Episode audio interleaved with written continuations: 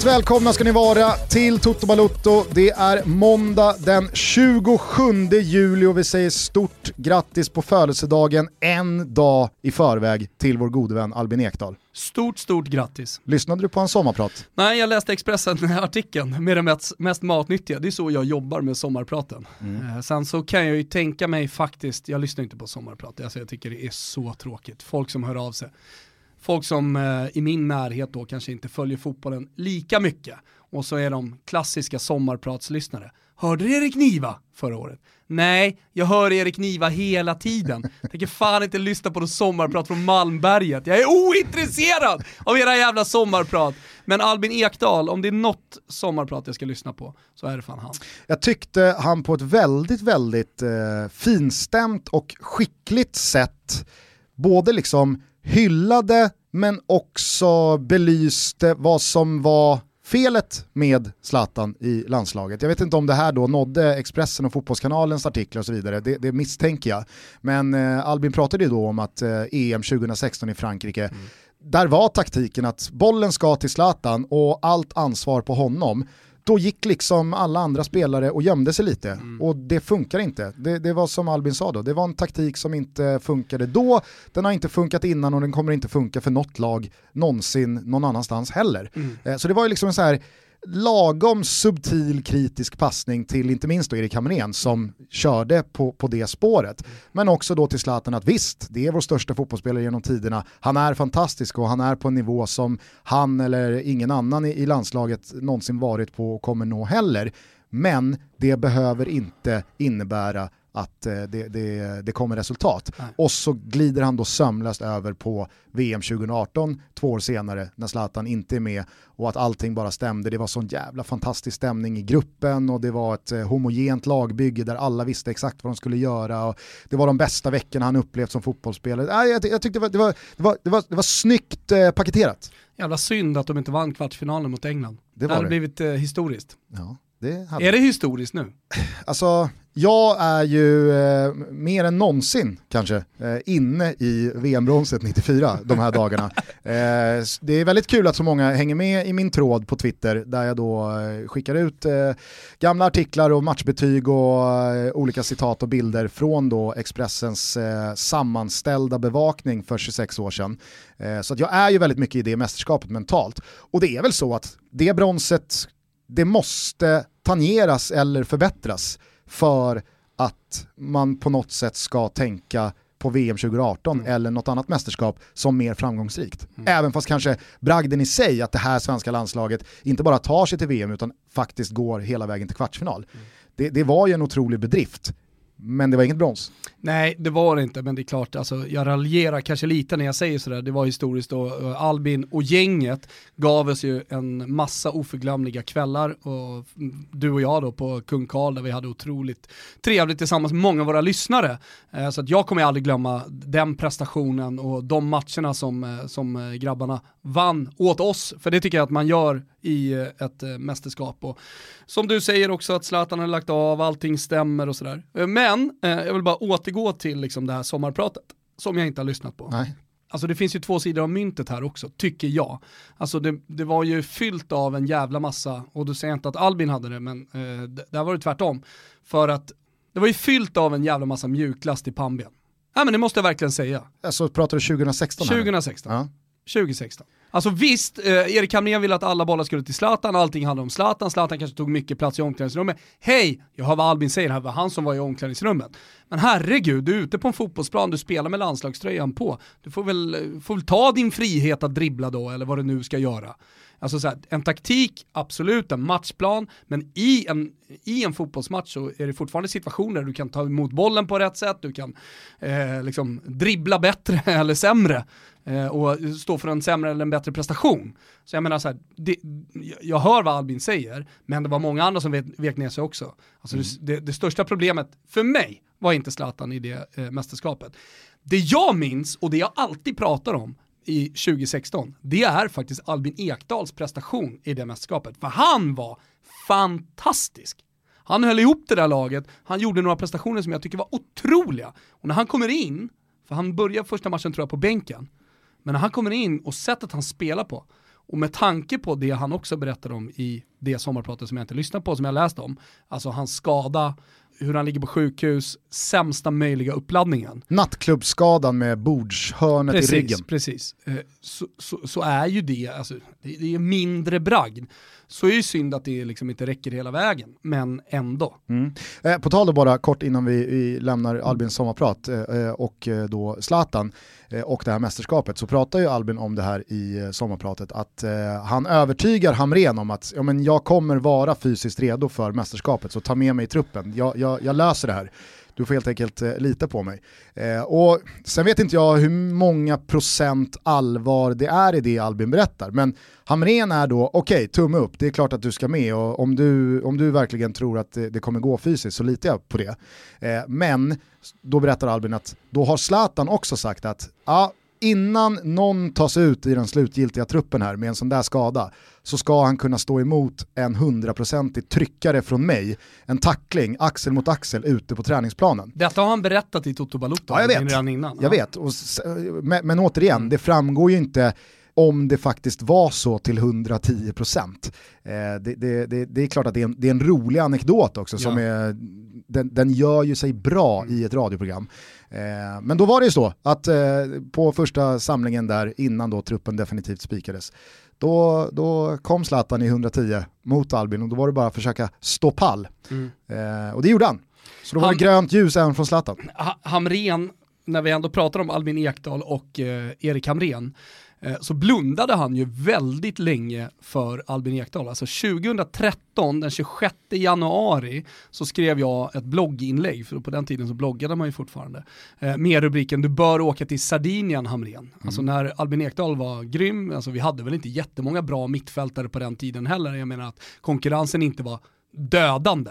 Man hade ju liksom... evighetsmaskinerna Anders Svensson och Kim Källström. Absolut, men alltså Albin Ekdal gjorde det sjukt bra i Italien. Han var 24 år gammal, eh, alltså han var nyckelspelare i det Cagliari tillsammans med Nainggolan och, och, och, gänget. Han var otroligt bra. Erik Hamrén hade inte ens, du berättade Albin för mig, hade inte ens varit på Sardinien. Han hade inte sett honom. Och det var liksom pre-Y-scout och liksom att du kunde följa på hemmaplan och sådär. Om du jämför med hur Janne Andersson jobbar som är runt hela tiden. Full koll och med, med ännu fler svenskar ute i Europa. På den tiden hade vi inte så jävla många.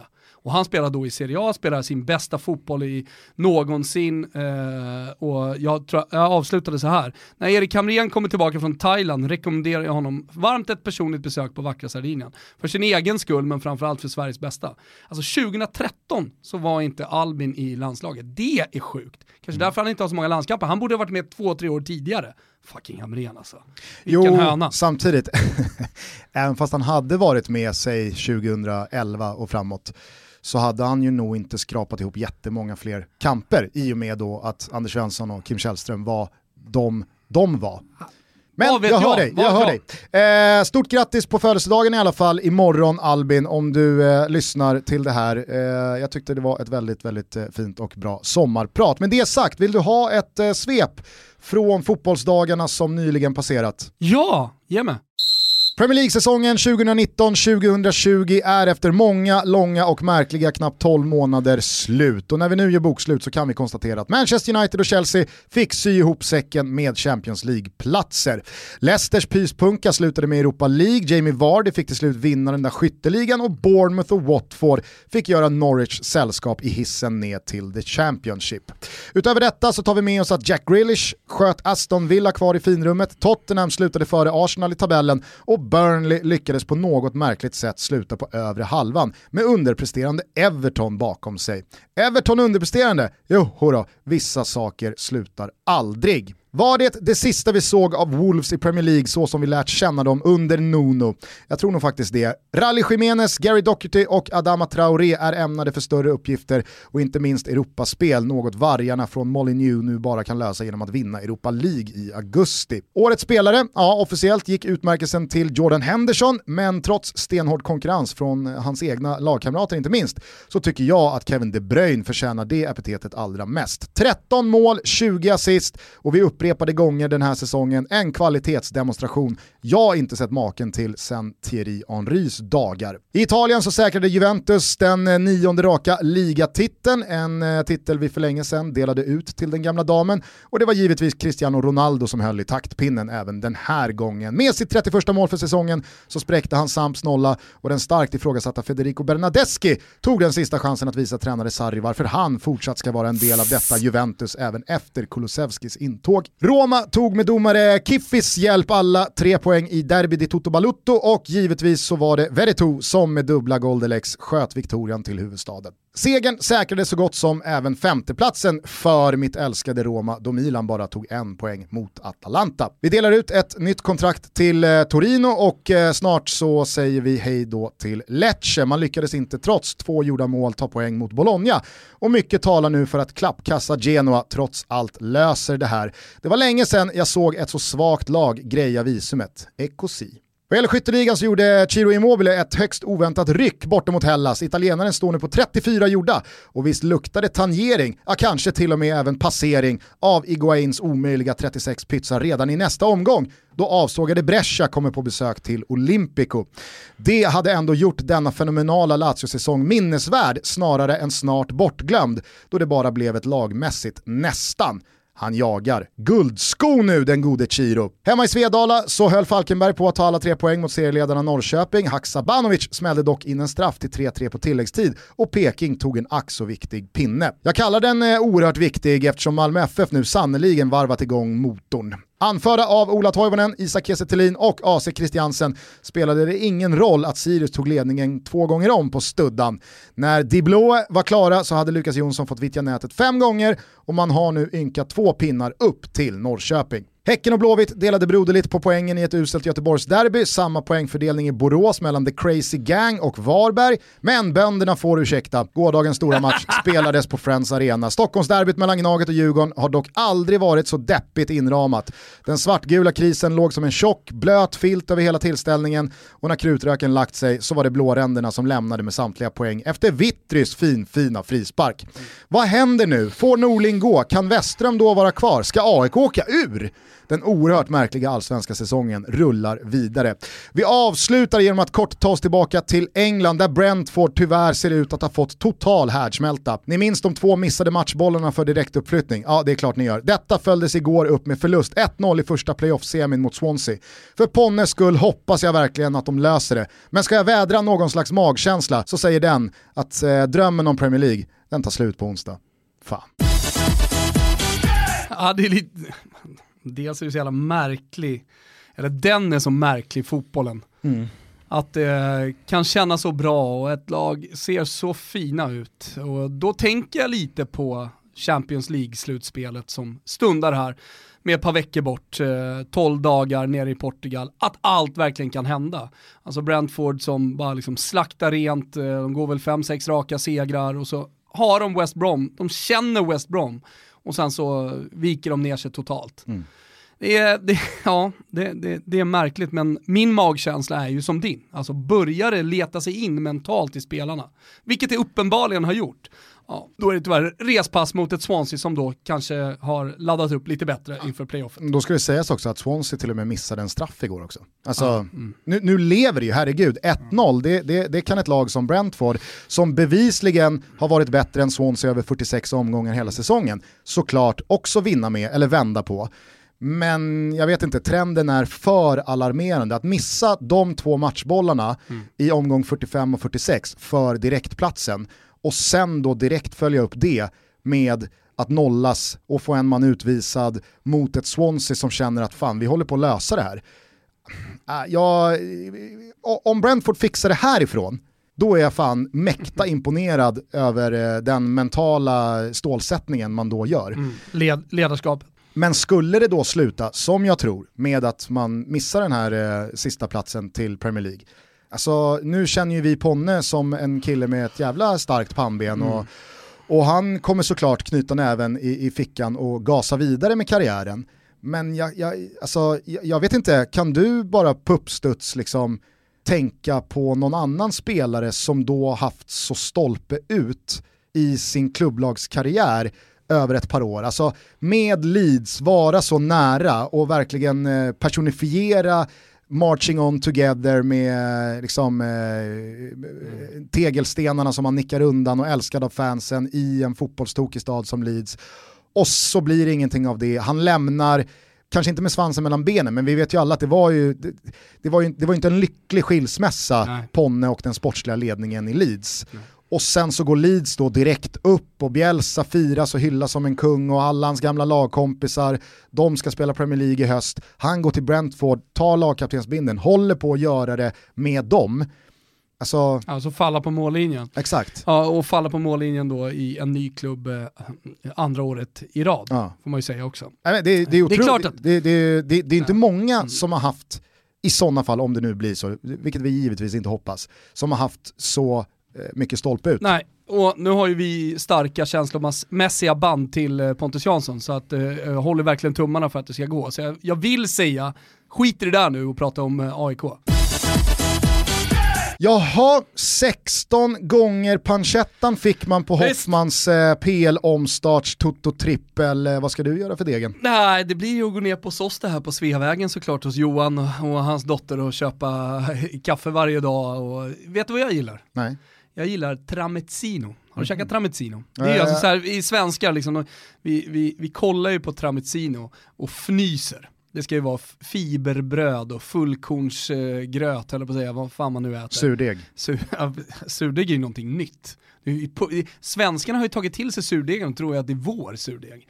Alltså det, det, det där är ju från liksom franska liksom, ba, bagerierna som vi har hittat inspiration. Alltså, Eh, men här är i alla fall så vitt, vitt, vitt, vitt, det vitaste bröd du kan tänka dig. Så, så lite maj och lite tonfisk och lite tomat. Det är så jävla gott. Eh, det ska jag spendera mina, mina 16 gånger degen deg. Ja, det var ju en otroligt snygg trippel av eh, oraklet. Jamie Vardy att vinna skytteligan, United topp 4 och Bournemouth att åka ursynd på den ordinarie Toto-trippen. Det var Ihanacho emot, han borde ju givetvis gjort mål för Leicester. Mm. Eh, det var inget snack i Italien, men nytt försök till helgen, var med oss via sociala medier. Trippen kommer som alltid finnas under godbitar och boostade odds. Vi säger stort tack till Betsson för att ni är med och möjliggör Toto Balotto. Kom nu ihåg att spela ansvarsfullt och att du måste vara över 18 år för att spela. Behöver du stöd så finns stödlinjen.se. Jag eh, ska imorgon tisdag bege mig till den mest solsäkra platsen vi har i landet, nämligen Gotland och Visby. jag är team västkusten när du pratar sol Gusten, det ska du ha jävligt klart för dig. Jo, samtidigt så kan väl även du tillstå att solen ofta skiner på ön. Nej, jo, jo, jo. Så och vad behöver man då? Ja, men då behöver man eh, ett par Kristoffer Klås solglasögon, självklart va Gusten. Och du har ju hört mig prata om olika platser där jag glider runt i mina Kristoffer Klås-glasögon. Mm. Det är ju på landet. Det är, det är ju inte speciellt eh, Riviera-doftande platser jag har varit på den här sommaren. Ja. Jämtland på, på, på älven, där glömde jag mina Kristoffer Kloss-glasögon, men de hade ju varit på om jag hade varit med. Det är bryggan i Rönninge, när jag står och fiskar abborre. Nere på bistron hos eh, Isak, där är det såklart också Kristoffer eh, Klås. Men du ska ju, det kan vi ju fan vara ärliga och säga, till eh, platser där Kristoffer Klås, vad ska jag säga, aura över glasögonen kanske platsar ännu bättre. Ja, alltså när jag kliver in på Kallis, om jag nu kliver in på Kallis senare i veckan, då gör jag det inte utan mina Kristoffer Klås. Ja, men det är ju väldigt mycket Riviera, det är hög kvalitet, det är tidlös design, det är ju från den franska Rivieran och mötet med den uh, mytomspunna personen Kristoffer Klås som grundarna ja, blev inspirerade till att starta det här uh, solglasögonmärket. Och på kristofferklås.se, Kristoffer med CH och PH och Klås med CLOOS. Där kan ni klicka hem era briller och med koden TOTO så får ni 20% exklusiv rabatt. Passa på nu när löningen är kommen, hörni. In på Kristoffer Klås, eh, kika vilken modell som just du gillar. Gör det nu. Mange tack. Kort bara ska vi prata om AIK, du ställde en fråga. Kommer Norling få sparken? Ja, jag ställde väl flera frågor. Ja. Vad händer nu? Det mm. var ju en märklig, eh, ovanlig eh, Silencio Stampa som kommunicerades ut eh, i början på förra veckan. Vi ska snacka efter Djurgårdsmatchen var väl eh, andemeningen från klubben. Och sen så sa ingen halv sju, men nu har Djurgårdsmatchen varit, man har förlorat eh, och jag har minsann inte hört någonting från AIK-håll än. Eller? Nej, och det är möjligt att man har kommunicerat när det här avsnittet släpps och det är redan officiellt. Men det är klart att nu får ju Rickard Norling sparken och förmodligen så kommer det ja, göras officiellt under måndagen och allting tyder på att den här Bartosz Griselak som är typ så U21-tränare, mm. va? intressant var tidigare ass till Norling 2018 under guldet, att han då tar över som någon slags interimtränare. Det är det jag hör. Mm. Och, det, och, jag hör det från ganska trovärdiga källor. Så att ja, vi får liksom lägga ut det här, om det inte är officiellt så får ni lita på det här helt enkelt. Och min andra fråga då var ju, kan Westström då vara kvar? För eh, nu har ju Westström förvisso bytt yrkestitel från mm. sportchef till klubbdirektör. Mm. Men fram till, ja, bara för någon månad sedan så var ju Westström ja, han var ju ansvarig för det här sportsliga bygget. Mm. Och vad jag har förstått under de här åren så är inte direkt truppen byggd utifrån Norlings eh, pekfinger i shoppingfönstret, att den spelaren vill jag ha, den spelaren vill jag ha, mm. den spelaren vill jag ha. Så att han har fått spelare i knät som han inte har önskat. Mm. Och så kan det ju vara, herregud. Det är inte, det, alltså, I Sverige så har vi ju väldigt sällan en managerroll där även tränaren ja, bestämmer. Men vi har starkare band mellan eh, sportchef och Absolut. tränare, det har vi definitivt. Eh, men eh, på Eller så här, det, det, det alltså, Norling och Westrum är ju jättebra vänner, mm. alltså så är det ju. Jo, men alltså, säger du emot när jag säger att jag har förstått det som så att alla de här spelarna som har värvats för ganska dyra pengar det är inte Norlings spelare som han har bett om att få. Utan... det går ju inte att säga emot, alltså, det, det, så, så, det ja. ser man ju. Och så på det då en eh, spelfilosofisk förändring uppifrån som också har satts i knät på Norling. Ja, nu ska det spelas knät. roligare fotboll och jo nu, nu kanske inte det viktigaste är att vinna, utan mm. det är sättet vi eventuellt vinner det på. Det sa han ju när jag gjorde intervjun med honom i vintras, att eh, alltså allt som, eh, ja men det här vi snackat om, mm. Colbin gör en bonus, eh, to topplaceringar, vadå? Nej, jag, vi kan inte garantera någonting, tvärtom, vi borde inte ha speciellt stora förväntningar på den här säsongen, är många unga spelare. Så han har ju mer eller mindre redan berättat att det kommer bli så här. Sen mm. så är det väl lite sämre då än vad man borde ha förväntat sig, eh, om man nu borde ha förväntningar. Men, eh, men eh, att man skulle ha AIK som någon slags topplag med den här truppen och det han säger om, vissa, eller om nyckelspelare med nabbeskada och så vidare, så ja, men då har man helt enkelt haft för stora förväntningar. Och då, då kan, kan Westström sitta kvar, självklart. Han kan mm. sitta kvar. Eh, det, det det är också en lönepost och ett kontrakt och så vidare som, som måste lösas. Och det är dyrt att lösa Norling, hur man gör det, det har jag ingen aning om. Men, men eh, han kommer nog sitta kvar också. Sen får man kritisera hur mycket man vill och, och tycka att det, det, det är för jävligt att eh, Norling får bära hundhuvudet och så vidare. Där, där får supporterna själva liksom eh, analysera och ha åsikter om. Jag, eh, jag förstår ju problemet kan jag väl säga med att vara en, eh, leka professionell fotboll i Sverige som vi gör ja. ja men det, det, det, är ju det stora problemet vi har här, måste, måste sälja dyrt hela tiden för att kunna hålla oss i toppen och mäta oss. Så, så är det lite grann. För alla klubbar. Vi lyssnade ju på en extremt frustrerad Norling eh, förra måndagstutto efter Varbergsmatchen där topplocket till slut kanske inte flög all världens väg, men det skruvades i alla fall av. Nej. Och sen så ställer han en startelva på benen eh, mot Häcken några dagar senare, som jag i alla fall tolkar det som att, ja, alltså, mm. han, nu vill han ju, nu vill han ju ryka. Ja. Eller? Ja, nej, jag, jag tror inte han vill sådär, men så är ju Norling en komplex eh, människa, en komplex figur. Mm. Eh, med eh, kanske inte så jättemånga rådgivare runt sig utan eh, han, han, han är nog väldigt familjär vad det gäller sina rådgivare, vad jag har förstått. så han kör på sitt eget spår hela vägen in i kaklet och då, då blir det väl så här helt enkelt. Men vad jag hör liksom med, med, Björn och AIKs sportsliga ledning är ju till exempel att man är ute efter Jens Gustafsson till nästa säsong. Kanske har man redan kommit långt där i de förhandlingarna. Även om det är en säsong som pågår. Vilket såklart skulle vara en fjäder i hatten liksom, för den sportsliga ledningen. Mm. Vems beslut var det att behålla? Var det styrelsen, Björns, alltså Norling? Eh, så att jag menar, ja, det går att lägga ansvar och man ska lägga ansvar på, på liksom alla i ansvarsroller inom AIK. Eh, men eh, löser man Jens Gustafsson till nästa säsong så tycker jag att man har gjort det bra i tränarfrågan. Sen va, va, blev det här ett mellanår helt enkelt. Alltså, Med många unga spelare. Mm, mellanår kanske härifrån och in ska ses som något positivt. För att alltså, det, det, det är många gånger stora lag har lite negligerat det faktum att man tabellmässigt ligger så jävla pyrt till och vaggats in i någon tro att till slut så det löser det sig ja, på något sätt. Eh, är, är, din känsla den eller känner du att nu, nu måste, alltså, det här kanske är då att flytta på Norling, ta in Bartosz, om det nu blir så, är det AIKs sätt att i tid agera för att faktiskt rädda ett kontrakt? Ja, men jag tycker verkligen det. Alltså jag som framförallt lever och har levt i den italienska fotbollen tycker jag att det, det, det är rätt att sparka tränare när det går dåligt, när man börjar se alltså på ett lag, storlag som AIK i det här fallet börjar se strecket och börjar snarare då kolla neråt och bli lite rädd för nedflyttning.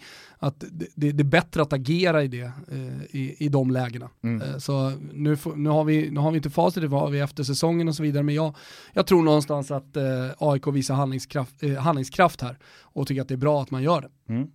Eh, och det, det, det, hade jag sagt om eh, vilken annan stor klubb som helst som hade befunnit sig i det läget som AIK befinner sig i nu. Och där fick vi det bekräftat eh, under inspelning här, mm. att Norling går. Mm. Men inte att Bartosz tar över, det är inte officiellt det är inte, Nej, alltså det, det, är inte officiellt ut än, men jag har fått ännu mer bekräftat att Norling kommer lämna. Så att när det här avsnittet är ute så är det nog redan pressträffar och, grej, pressträffar och grejer. Okay. Eh, kort bara sportsligt om eh, matchen. Det var ju oerhört speciellt att se liksom, kanske hela Nordens största derby. Eh, AIK mot Djurgården, edsvurna rivaler och fiender inför tomma läktare en sån här säsong. Visst, nu går det väl absolut att argumentera för att Djurgården kan brotta sig med och in i någon slags topp 4, topp 5-strid över en längre period. Men överlag så har ju det varit en ganska trög första tredjedel av allsvenskan även för eh, de regerande mästarna. Jo. Men i den här matchen så var det, det var ett extremt konstigt Stockholmsderby. Det som dock ska sägas att ja, Djurgården slår ju faktiskt AIK i ett allsvenskt derby och det har inte hänt på extremt länge. Men ändå så känns det sekundärt en sån här säsong för det ja. känns liksom inte som på riktigt. Ja men kolla rubrikerna. Hade det här varit en match med folk på läktarna så hade ju definitivt rubrikerna handlat om det. Och det hade handlat om eh, liksom, ja, men supportrarna. Och jag tror också att Djurgårdssupportrarna hade visat större glädje. Mm. Alltså det är klart att jag alltså, tar del av skadeglädjen mot AIK, eh, situationen man befinner sig i, glädjen att vinna derbyt.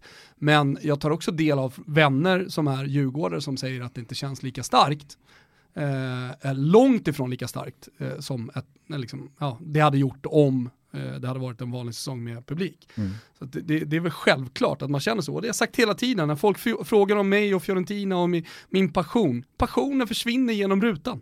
Det är så enkelt. Måste vara live på fotboll. Det var liksom en tv-tittare, det, visst det funkar att hålla någon slags passion uppe ett tag så här, men efter ett tag så försvinner liksom den här riktiga, riktiga känslan med att vara med laget och eh, finnas nära laget. Och det tror jag första gången någonsin som eh, supporter till allsvenska lag känner dem. Mm. Det, det, är jävligt trista tider. Så är det nog. Håller du med om att eh, Malmös eh, varvantal eh, på motorn eh, börjar gå rejält ordentligt här? Ja, jag tror att de gör det med Ola Toivonen väldigt mycket också ja. som jag ser. Vilken klassgubbe. Ja, han är otrolig klass. Jag sa det till några polare när han kom, liksom att helvete, här är, nog, här är riktig skillnad. Alltså Isak Kiese har gjort det bra. Jättebra. Ja, men Ola Toivonen någonting annat och då fick jag lite skit. Ja, vadå, han har inte spelat matchen då och då. Han eh, är slut och ja men du vet allt det där snacket. Medan jag försökte liksom stå på mig där och mena på att det här är klass på riktigt. Och det här kommer göra skillnad på riktigt. Eh, jag fick rätt mycket skit, eh, jag hämtar mig hem nu. Framförallt så känns det som att eh, det Malmö FF som i mångt och mycket inledningsvis den här säsongen förlitade sig på Christiansen enkom Mm. Eh, att när han var bra, ja men då vann Malmö för att han håller den nivån han gör. Mm. Och när Anders Christiansen saknas, som han har gjort i ett par matcher, då är Malmö ett helt annat lag. Mm. Lite var det ju så med Marcus Rosenberg eh, mot slutet också, att Malmö var ett lag med Rosenberg på plan, de var ett annat lag utan honom.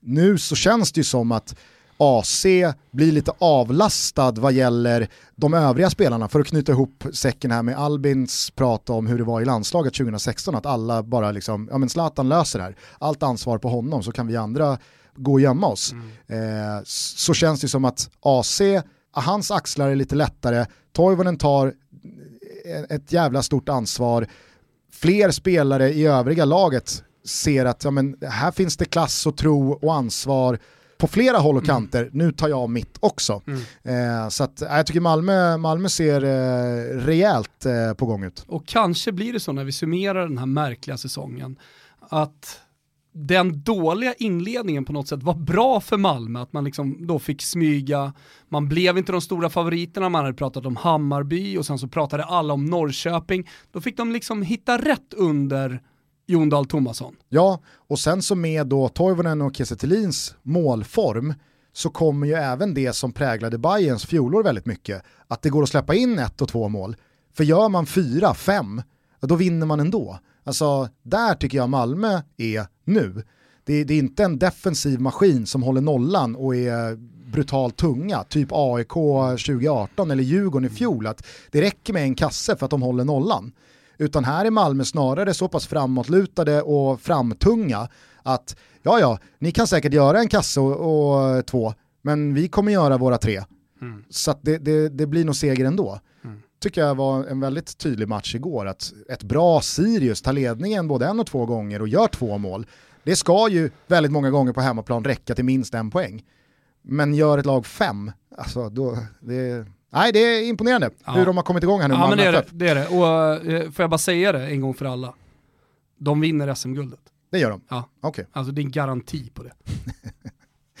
ja. Eh, det, det som kändes mer eller mindre klart eh, vad gäller Peking för bara några veckor sedan. Ah, nej. Det, jag, det, det, är, det är vidöppet nu. Alltså, nej, det är inte vidöppet. Ja, det är stängt. Ja, det är stängt. Det är stängt. Malmö tar det. Grattis! Ja, men vi får ändå säga grattis till guldet då, Malmö FF. Vi är sponsrade av våra vänner på Simor och trots att det är eh, semestertider här hemma i Sverige så är det ju en glödhet fotboll som rullar vidare. Kuppfinal på torsdag! Mm. Klassikermöte IFK Göteborg mot Malmö FF och det känns verkligen som en final som lär bli spännande att följa. Ja, men alltså, man har ju följt uppladdningen nere i Västsverige och Göteborgssupportarnas, eh, jag ska inte säga liksom så krav till eh, klubbledningen, men om man pratar om att det blåser i Stockholmsklubbarna, eh, Hammarby-supportrarna är, är, sura och liksom AIK-supportrarna låter ju mycket, allting som händer runt AIK, så, så, är det ju någon slags liknande situation nere i Göteborg också, många som är väldigt missnöjda. Eh, och den här matchen mot Malmö FF, den här titeln, den betyder otroligt mycket för ett kräftgångande IFK Göteborg. Mm, och för Malmö FF så har ju den där eh kupptiteln eh, varit eh, som en förbannelse senaste åren. Man har Visst. förlorat ett par finaler så att jag tror att man är rejält sugna på att ta den där titeln för att eh, de har man inte staplat på hög senaste åren. Och den gamla rivaliteten såklart, historiska rivaliteten som ligger som någon slags härlig glödbädd under den här matchen. Så nej, det ska bli jättekul att se, om man ser den på Simor. Precis, och man ser dessutom de två avslutande omgångarna i Serie A. Utöver all live-fotboll så finns ju också Inside FC Barcelona, den nya dokumentärserien där man får följa Messi och gänget inifrån de slutna rummen. Mm. Jävligt bra första avsnitt alltså. Otroligt bra, otroligt bra. Så att, eh, skaffa ett abonnemang på Simor. vi lyfter på hatten och säger tack till er för att ni är med och möjliggör Toto Balotto. Tack. Om jag säger jobb, vad säger du? Randstad! Jajamän, det gör du. Bra röst eller? Ja, jag tycker det trycker den där capopipan. Men det, det är ju för att man saknar ju fotbollen. Man saknar att stå på läktarna, man saknar att stå och gorma. Då får man lite extra tryck när man pratar om Randstad. Jajamän. Eh, ni som har varit med oss i år vet att vi är sponsrade av våra vänner på Randstad och Randstad är världsledande vad gäller att optimera just din yrkeskarriär. Ja, men du säger din yrkeskarriär, för vi vill verkligen nå ut till alla där.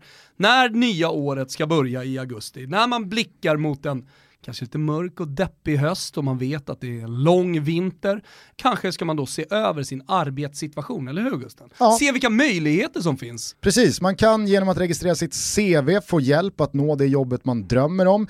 Man kan bevaka tjänster som eh, är intressanta för en och man kan, om man till exempel pluggar, nå ett jobb vid sidan om eh, studierna att eh, dra in lite extra cash på. Så att gå in på randstad.se och ta det därifrån. Vi lovar att med Randstads hans varma hand så är din eh, karriär och ditt arbetsliv i trygga händer. Så är det. Så om du säger jobb, då säger jag Rödstad! Eh, du, jag inledde ju det här svepet med att summera Premier League-säsongen som gick i mål igår. Eh, vad, vad, tar du med dig från dels mm. gårdagen, dels eh, liksom säsongen i stort? Ja, men, eh, par grejer såklart eh, från den sista omgången. Eh, Manchester United, det skrev jag ju, vet du i min krönika också, att eh, alltså, den avslutningen de gör, så de ser ut på planen, intåget, först då Bruno Fernandes, när han kommer in, Sätt att de spelar pre-corona under vintern, sätt att de spelar med Paul Pogba och Bruno Fernandes tillsammans. Det, det, ger en trygghet till hela laget, det ger en trygghet till anfallarna att kunna göra vad de vill, att kanske inte ta lika stort ansvar i den här, det ska, det ska vara kreativt, bollarna ska fram, utan Rashford, Greenwood eh, och eh, Martial. Martial kan liksom fokusera på att göra mål lite grann. Är du med på vad jag menar? Uh, samtidigt som jag tycker att Paul Pogba är en fantastisk spelare. Okej, okay, han ser lite tung ut kan jag tycka igår. Jag har sett eh, Paul Pogba betydligt lättare i steget. Men hans, eh, hans blick, hans passningar, eh, hans ansvar som han ändå tar i defensiven Ja, det, det, det, är liksom en komplett eh, mittfältare, han är perfekt för vilket topplag som helst.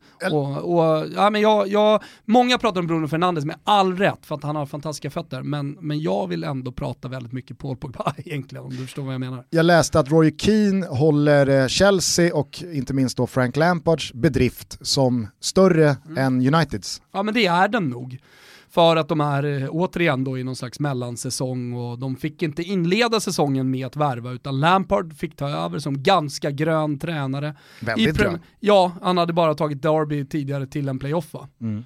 Eh, det hyllades ju och firades och man minns det som att de gick upp, men de gick aldrig upp. alltså när man, när man tänker tillbaka på Lampards karriär om tio år så kommer man ju prata om, jo men han inledde i Derby och tog upp dem till Premier League. Men det gjorde han inte. Nej. Eh, viktigt att poängtera. Det var men, en De Laurentiis-skumpa. Eh, ja, vi, vi inledde Premier League-säsongen med att prata om Chelsea som fan ganska perfekt läge för Lampard att komma in. För han har inga förväntningar, han ska inte ha några förväntningar på sig med det här laget i och med att man inte fick värva. Så liksom, blir det Champions League med då konkurrensen från eh, überrika, übermäktiga klubbar, ja, men då, då, är det bara en jävla bonus. Missar man Champions League så kommer man, kommer man ändå ha förtroende att bygga det här laget vidare. Sen ska vi säga så att Chelsea är inga, det är inga fattiglappar i ah, nej, sammanhanget. Nej, absolut inte. Men med de förutsättningarna, ja. var, han inledde ju med ett lag som, och en klubb som var fattiglappar för att man inte fick värva. Mm. Man är ju noll. Absolut.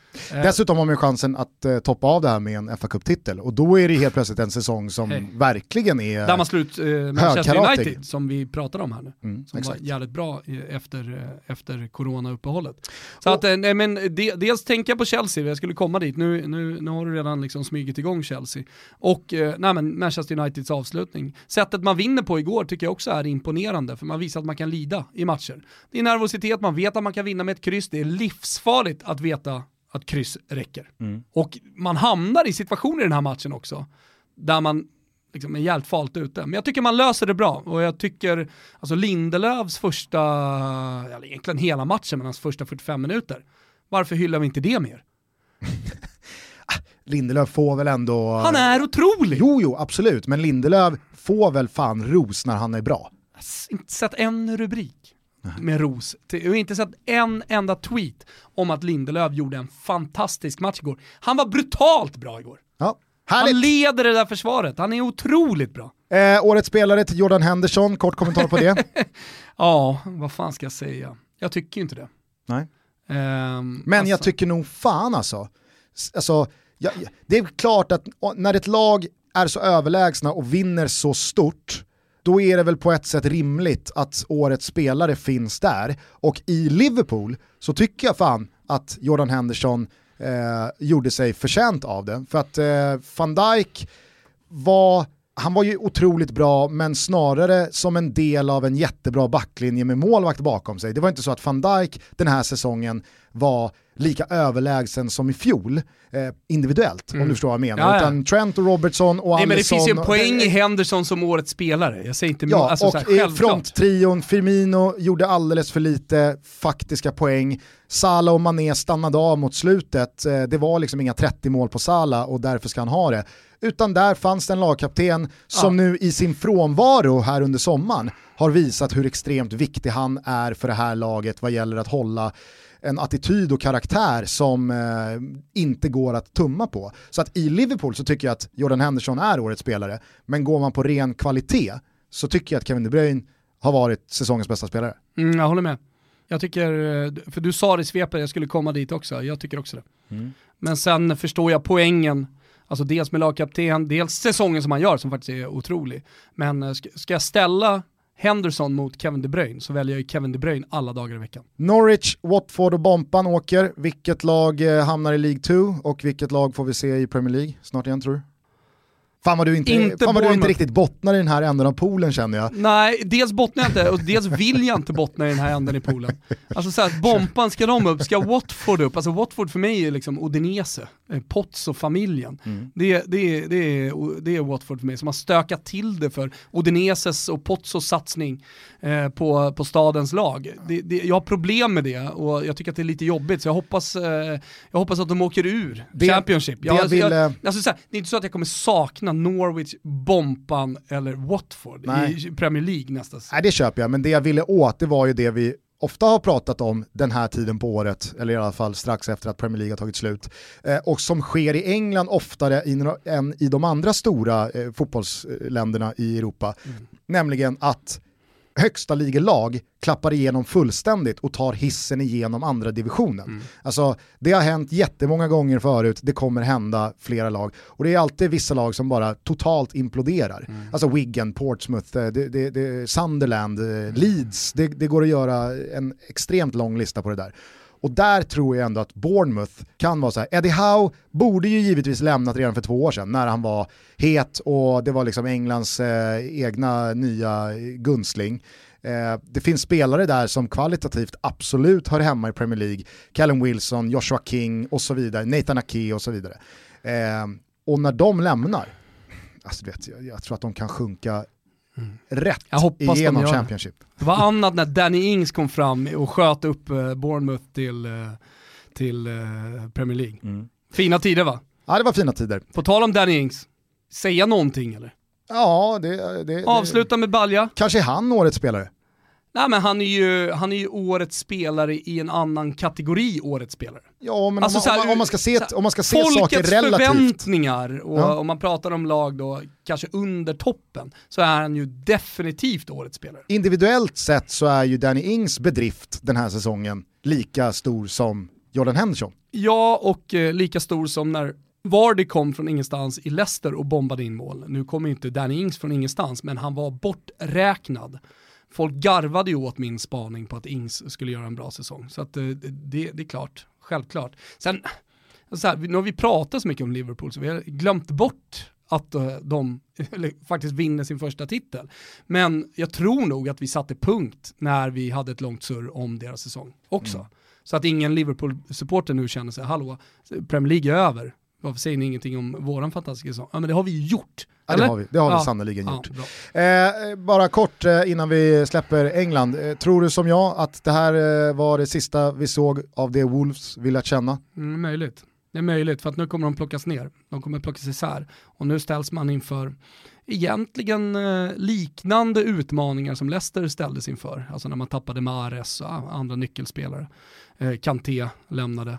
Eh, så att det gäller ju det gäller ju att liksom kunna stå emot, det gäller att kunna satsa vidare, det gäller att eh, scoutingen, sportcheferiet liksom är så bra som det har varit.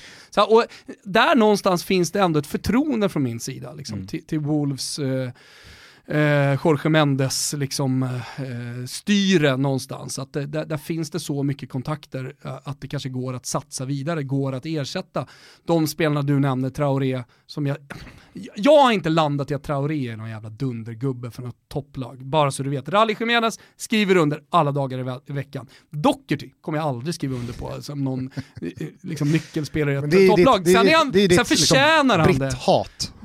Britt-hat hit och britt-hat dit. Traoré är väl ingen britt? Nej, absolut inte. Men det är något annat. Där kan jag, där kan jag köpa din tankebana att så här, vad har egentligen Traoré bevisat då? Men Doherty känns bara som en låsning. Doherty är en låsning, ja. inte Traoré. Och det är en, det är, det är en britt-hatslåsning. Men då, då, vill jag, då, då vill jag förtydliga det jag är inne på, för nu tänker jag högt nämligen Gusten. Wolves kommer inte ha några problem att ersätta de här spelarna. Nej. Det kommer en ny Rally Jiménez, det kommer en ny Traoré som är ännu bättre och framförallt så kommer det en gubbe i backlinjen som är mycket bättre än Doherty. Vänta bara och se. Det är jag fan tveksam till alltså. Vänta bara och se. Kort bara på tal om det där Leicester som vann ligan mot alla odds. Det är den andra snubben med det som är bra i Wolves backlinje. Den Donker? Ja, exakt. Det är han. Det är ah. min gubbe. jag trodde Jonny var din gubbe. Han var det. Tappade du bort honom. okay. Bollen gillar jag. Jag skulle bara... Boli. Boli, ja. Boli är fan bra. Han är bra på riktigt. Mång, många som har, som har hittat in i, i, i Wilburs uh, fantasy-lagbygge. Jag skulle bara säga det kort om det där Leicester-laget som vann Premier League mot alla odds 15-16 och som sen då, som du eh, här korrekt eh, pratade om, att men det var ju en utmaning för dem att hålla ihop det laget, de tappade på nyckelspel och så vidare. Det var så jävla surrealistiskt att igår se Wes Morgan i i startelvan fyra år senare, alltså han var ju, han var ju jättegammal redan då. Alltså det känns sådär, ja, men hur kan man vinna Premier League med West Morgan i mittförsvaret? Mm. Han fick ju liksom Robert Hood att se kvick ut. Ja för fyra år sedan. Mm. Och så, visst, jag vet att de är hårt ansatta av skador och avstängningar i den där backlinjen och att det var liksom de som ja, kan inte lira. bara Madison sen och sådär. Nej nej men ja. alltså Sojuncu avstängd och det har varit skador på yes. eh, flera försvarsspelare i det där laget och Bennett som de plockade in från just Wolves, alltså, han har ju varit så usel så att det mm. liknar ingenting. Men det är ändå, det är ändå otroligt att det här, West Morgan finns i Leicesters startelva andra halvan av 2020 när det slåss om Champions League-platser. Så jävla svårt att ta in. Mm. Ja, det är svårt. Det var väl det va om eh, Premier League-avslutningen. Var det det sista vi såg av eh, Aubameyang tror du? I Arsenal? Jag tror det ja. Jag mm. tror det. Han, eh, han lyckades hitta någon slags motivation och moral på slutet för att det fanns en ligatitel att vinna igen. Nu, nu nådde han inte hela vägen fram. Fan, cred till Vardy. Det måste man också fan säga. Ja, ja, I Leicester att vinna skytteligan igen. Det är otroligt. Mm. Eh, men, men vi får komma ihåg hur Aubameyang såg ut och hur han agerade på plan innan han återfann motivationen. Jag tycker att det, där fanns en Aubameyang som såg ganska omotiverad ut. Mm. Och eh, med tanke på ja, hur, hur det har låtit kring honom så tror jag nog att han lämnar. Eh, ska vi ta oss till Italien då? För där har Juventus tagit sin nionde raka scudetto och eh, i och med det blivit historiska va? Jajamensan, det är till och med historiskt i Europa. Det är alltså den nionde raka titeln, det är rekord i de stora ligorna i Och då Europa. pratar vi alltså Spanien, Frankrike, Tyskland, yes. Italien, England. Jajamensan. För det är inga Rosenborg-nivåer här. Nej, de... 13 raka. Alltså den är helt sinnessjuk. 92 till 04. Ja, och vi kan väl bara förtydliga då att väldigt mycket är klart i Italien mm. inför de två sista omgångarna. Juventus kommer vinna ligan, Juventus, Inter, Atalanta, Lazio matematiskt i Champions League där de varit. Europa League, Napoli, Roma och Milan. Det enda som är kvar det är att Roma och Milan slåss om en direktplats i grupperna. I och med att Napoli vann Coppa Italia Ska väl dock sägas att Roma har ju chansen att vinna Europa League och då ta en Champions League-plats. Ja. Eh, eftersom man är kvar i den turneringen. Ja. Det är även inte, men de är redan klara för Champions League ändå. Så. Yes. Mm. Så är det. Då blir man då fem lag i Champions League. Sen eh, Brescia Spal redan ute. Eh, Lecce har fyra poäng upp till det sopiga Genoa som du benämnde dem som. Eh, med sex poäng att spela om. Ja, det, det kommer inte hålla att gå. med om. Ja, ja, ja. Det är det, Fan, sämsta det laget, Det är det sämsta laget man typ ganska bekvämt har sett klara kontraktet. Ja. Nej men verkligen. Men det finns lite andra grejer här som jag tycker är intressanta med Juventus-laget. Det är ju lätt att hela tiden gå tillbaka till historien och tänka, oh, men det finns väl de som har vunnit mer. Men det här laget är ju otroligt historiska. De kommer minnas för, minnas för alltid vet du. Eh, pluriscudetati kallar man dem för, eh, alltså de som har vunnit flest scudetti. I den italienska fotbollen står historia och där hittar man Rosetta han spelade på 20-talet i Provercelli och sen eh, Juventus. Vi hittar Forino som också är en Juventus-spelare. Vi hittar Ferrari, det är kanske fler som eh, liksom minns honom, eller? Nej, också 30-talsgubbe. Sen, efter, det är åtta Scudetti. Sen också på åtta... Så att folk skulle minnas Ferrari. Från 30-talet. Det var ett skämt. Men sen, lät, efter det, vad har vi då? Vad allvarlig. har vi för gubbar? Liksom? Ja, det är väl Maldini? Alltså tänker man, nej, nej. Eh, nej jag säger bara mm, att det är väl ett go-to-svar i och med att han gjorde alla år i ett. Milan som titt som tätt vann ligan. Ja, ja exakt. Men, men det är Barzagli, det är Bonucci, det är Buffon. Så det är de gubbarna, Chiellini. Chiellini, Chiellini på nio liksom. Mm. Barzagli på åtta. De har vunnit flest scudetti i hela Italien. Giggs är den som har flest ligatitlar i de stora eh, länderna. Giggs har 13. Ja. Så han är liksom i, i topp där. Det är Rosenborg-klass på Giggs. Ja, och om man fortsätter på rekord och det Chiro Immobile håller på med så är det ju rekordet då som innehålls av eh, Gonzalo Higuain. Ingen har gjort fler mål än honom. Vi har Fast Nord... det är väl i modern tid? Nej, Nordahl på 35. Eh, Nordahl också i topp där på 34. Så det är inte modern tid, det är genom alla tider. Okej. Okay. Ja.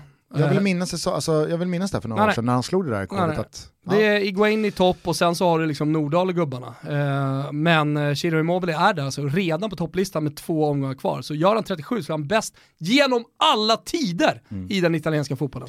Brescia hemma i nästa, det, det, kan bli, eh, det kan bli löjligt. Albin snackar om alla bollar på Zlatan Ibrahimovic. Ja. Alltså alla bollar kommer gå till Immobile i den matchen. Eh. Han är så sjuk oflyt också. I, så såg du vet, Lazios match? Vet, vet, vet, du vem som dock eh, liksom, skulle kunna sabba det där? För att han också vill göra mål. Caicedo. det känns... Så han, han jag vill också springer över Immobile. Exakt. Bufflar sig fram. Kör den där du vet, klassiska när Inzaghi och Del Piero kommer fria mot målvakten. Och Del Piero bara har öppet mål. Passar den bara inåt fyra meter så slår jag in den i öppet mål. Ja. Inzaghi skjuter, räddning i retur, ja. skjuter själv, räddning i retur, skjuter själv tredje gången, då gör han mål. Springer ut i hörnflaggan, fyra som en dåre. Det, det, det, så att säga, Caicedo har ju den profilen. Ja, verkligen, verkligen. Så vi får se, det blir en spännande match då mot Brescia. Mm. Caicedo mot Immobile, det är det det handlar om. Exakt. Exakt. Nej, men det skulle ju faktiskt inte bara då göra honom historisk eh, ur ett Serie A-perspektiv, utan han har ju då eh, väldigt goda möjligheter att på ett individuellt plan också lösa guldskon. Lewandowski står på 34. De har, de har lika många. Exakt. Mm. Eh, men alltså, delad glädje är ju inte dubbel glädje vad gäller guldskon. Jag tror att Immobile jag, jag vet inte exakt hur man räknar, men jag tror att han på något sätt har guldskon nu. Nej, de, de stora de fem står... är 1,0 Ah, okay. det, det, är du säker på det? Ja. Det är inte något så att Ass kommer in i bilden och sådana grejer? Och då, alltså, så om något så ska ju Lewandowski då vinna eftersom Bundesliga lista, har fyra ja. omgångar mindre. Jag såg en lista med Immobile i topp i Gazzetta dello Sport, men den listan kan ju bara ha varit liksom Italien förskönande. Att där har man två i toppen men man sätter ja. Immobile där. Men håll med mig om att om, om någon då, alltså säg att Immobile stannar nu på 34, mm. då är Lewandowskis 34 en större bedrift eftersom Bundesliga har fyra omgångar färre kan man ju tycka. än Italien. Kan man tycka. Hur kan man inte Nej, tycka det? kan man tycka. Ja, okay. Men sen spelar han i Lazio, han spelar inte i Bayern München. Det är en valid point, absolut. Så att, eh, det blir eh, kul att följa eh, den där skytteliga avslutningen. Jag tror nog att Ronaldo känner, det här blir tufft nu. Ja, så missade han straffen igår också. Det var han nog väldigt förbannad på. Såg du frisparksvarianten som Juventus eh, satte? Bara en stenhård passning. Alla trodde att Ronaldo skulle skjuta, så då har han bara en stenhård passning och så på ett sätter Juventus bollen. Eh, jag ska säga det, det är lite märkligt. Du såg när eh, Napoli vann eh, Coppa Italia. Mm. Stor fest nere i Neapel på gator och torg. Ja. Och där sjöng spelarna ur bilar, du vet de blev utdragna och det var verkligen, ja men det var, det var stor fest. Två flaggor på Stora torget i, i Turin igår med Juventus. Jag tycker de gör det bra. Det jo, men, men i, corona, nionde raka, det är ju det Gobbi betyder. Ja. Du, du, har vunnit så mycket så att du börjar bli kutryggad. Och, och, och Men det är så värdesätter inte titlar. Att liksom. en ligatitel, så att, att man är så jaded kring en ligatitel att man inte ens orkar ta sig ut. Nej. Det kan jag tycka också. Men det, det är som det är, det, det är liksom så det ser ut. Eh, de är kvar i Champions League, vi får se om de lyckas vända på underläget mot Lyon. Nu gick ju Dybala skadad, de har fan många skador i Juventus, så det blir ju Primavera-laget i de två sista omgångarna i Serie A. På tal bara om det, eh, det, det måste ju bara kort nämna, eh, franska ligacupfinalen där, Santet igen mot PSG. Mm. Alltså kapningen Mbappé åker på. Alltså, fy fan. Mm. Gick man in och klickade Atalanta direkt? Ja, du gjorde det? Ja. De är så nu har både alltså, Dybala och Mbappé... Att ja. vinna Champions League. Nu var inget brutet ska sägas på Mbappé, så att han kan såklart komma tillbaka och spela hårt tejpad i den matchen. Mm. Frågan är vilken form han är i, om det räcker och så vidare. Men ja, det, det, vi ska komma till den och vi ska snacka upp den rejält, alltså Champions League-slutspelet vad det lider. Eh, men eh, jag tror att mycket kan hända där. Mm. Mm, det tror jag också. Men det är helt otroligt låga odds på Atalanta att vinna Champions League. När man tänker utifrån att det är fucking Atalanta ja. som ska vinna Champions League. Ja. Men de har ju sidan av trädet, är Mbappé out. Men de har också PSG. Jo, jo, men, men Atalanta har spelat eh, 15 matcher mer än eh, PSG senaste månaderna.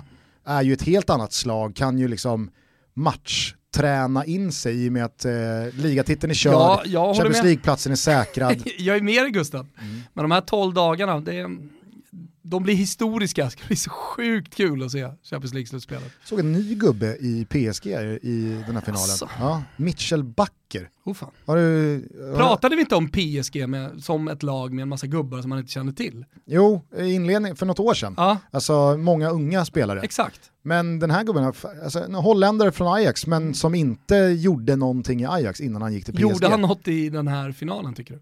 Ah, han såg, såg intressant ut. okay. Mitchell Backer. Ja, han skriver upp. Ja, 20-årig holländare. Härligt. Eh, lägger vi på, lägger vi på minnet. Ja. Eh, ska vi börja runda av kanske? Det tror jag. Vi gör så att vi hörs lite senare i veckan. Vi eh, lyfter på hatten för vår eminenta superproducent Kim Wirsén som har eh, gått genom eh, minnenas allé senaste veckorna här med två best of avsnitt. Mm. Hoppas många har haft roligt åt dem. Men vårt andra avsnitt den här veckan, det blir ett vanligt avsnitt om än så via länk. Jajamän. Jag ska till Gotland, eh, du ska Älskade till bistron. Älskade länkavsnitten, jag, jag tycker de är bäst. Okay. Vad sa jag? Jag ska till bistron. Ja, du ska till bistron. Ja, ja. Jag ska till Visby. Ja, ja. Mm. Eh, bra då, ta hand om varandra där ute. Glöm heller inte de sista skälvande dagarna av eh, Toto Pepsi. Nej. Du ska hem och eh, spela in ditt bidrag här nu och skicka in det rörliga pricksäkerhetsbidraget. Jajamän. Eh, vi tävlar ut fem stycken Champions League-bollar tillsammans med våra vänner på Pepsi. Så att, eh, missa inte här nu att ta chansen innan juli är över. Och missa inte Never Forget, fan lär er någonting och kan ni redan så är det härliga historier. Panenka och EM 1976. Ja, är alla med?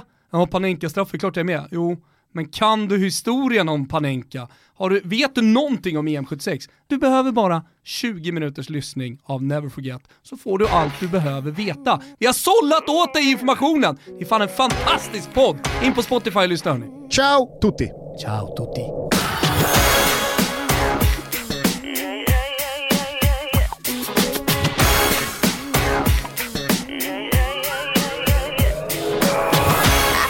I did it again.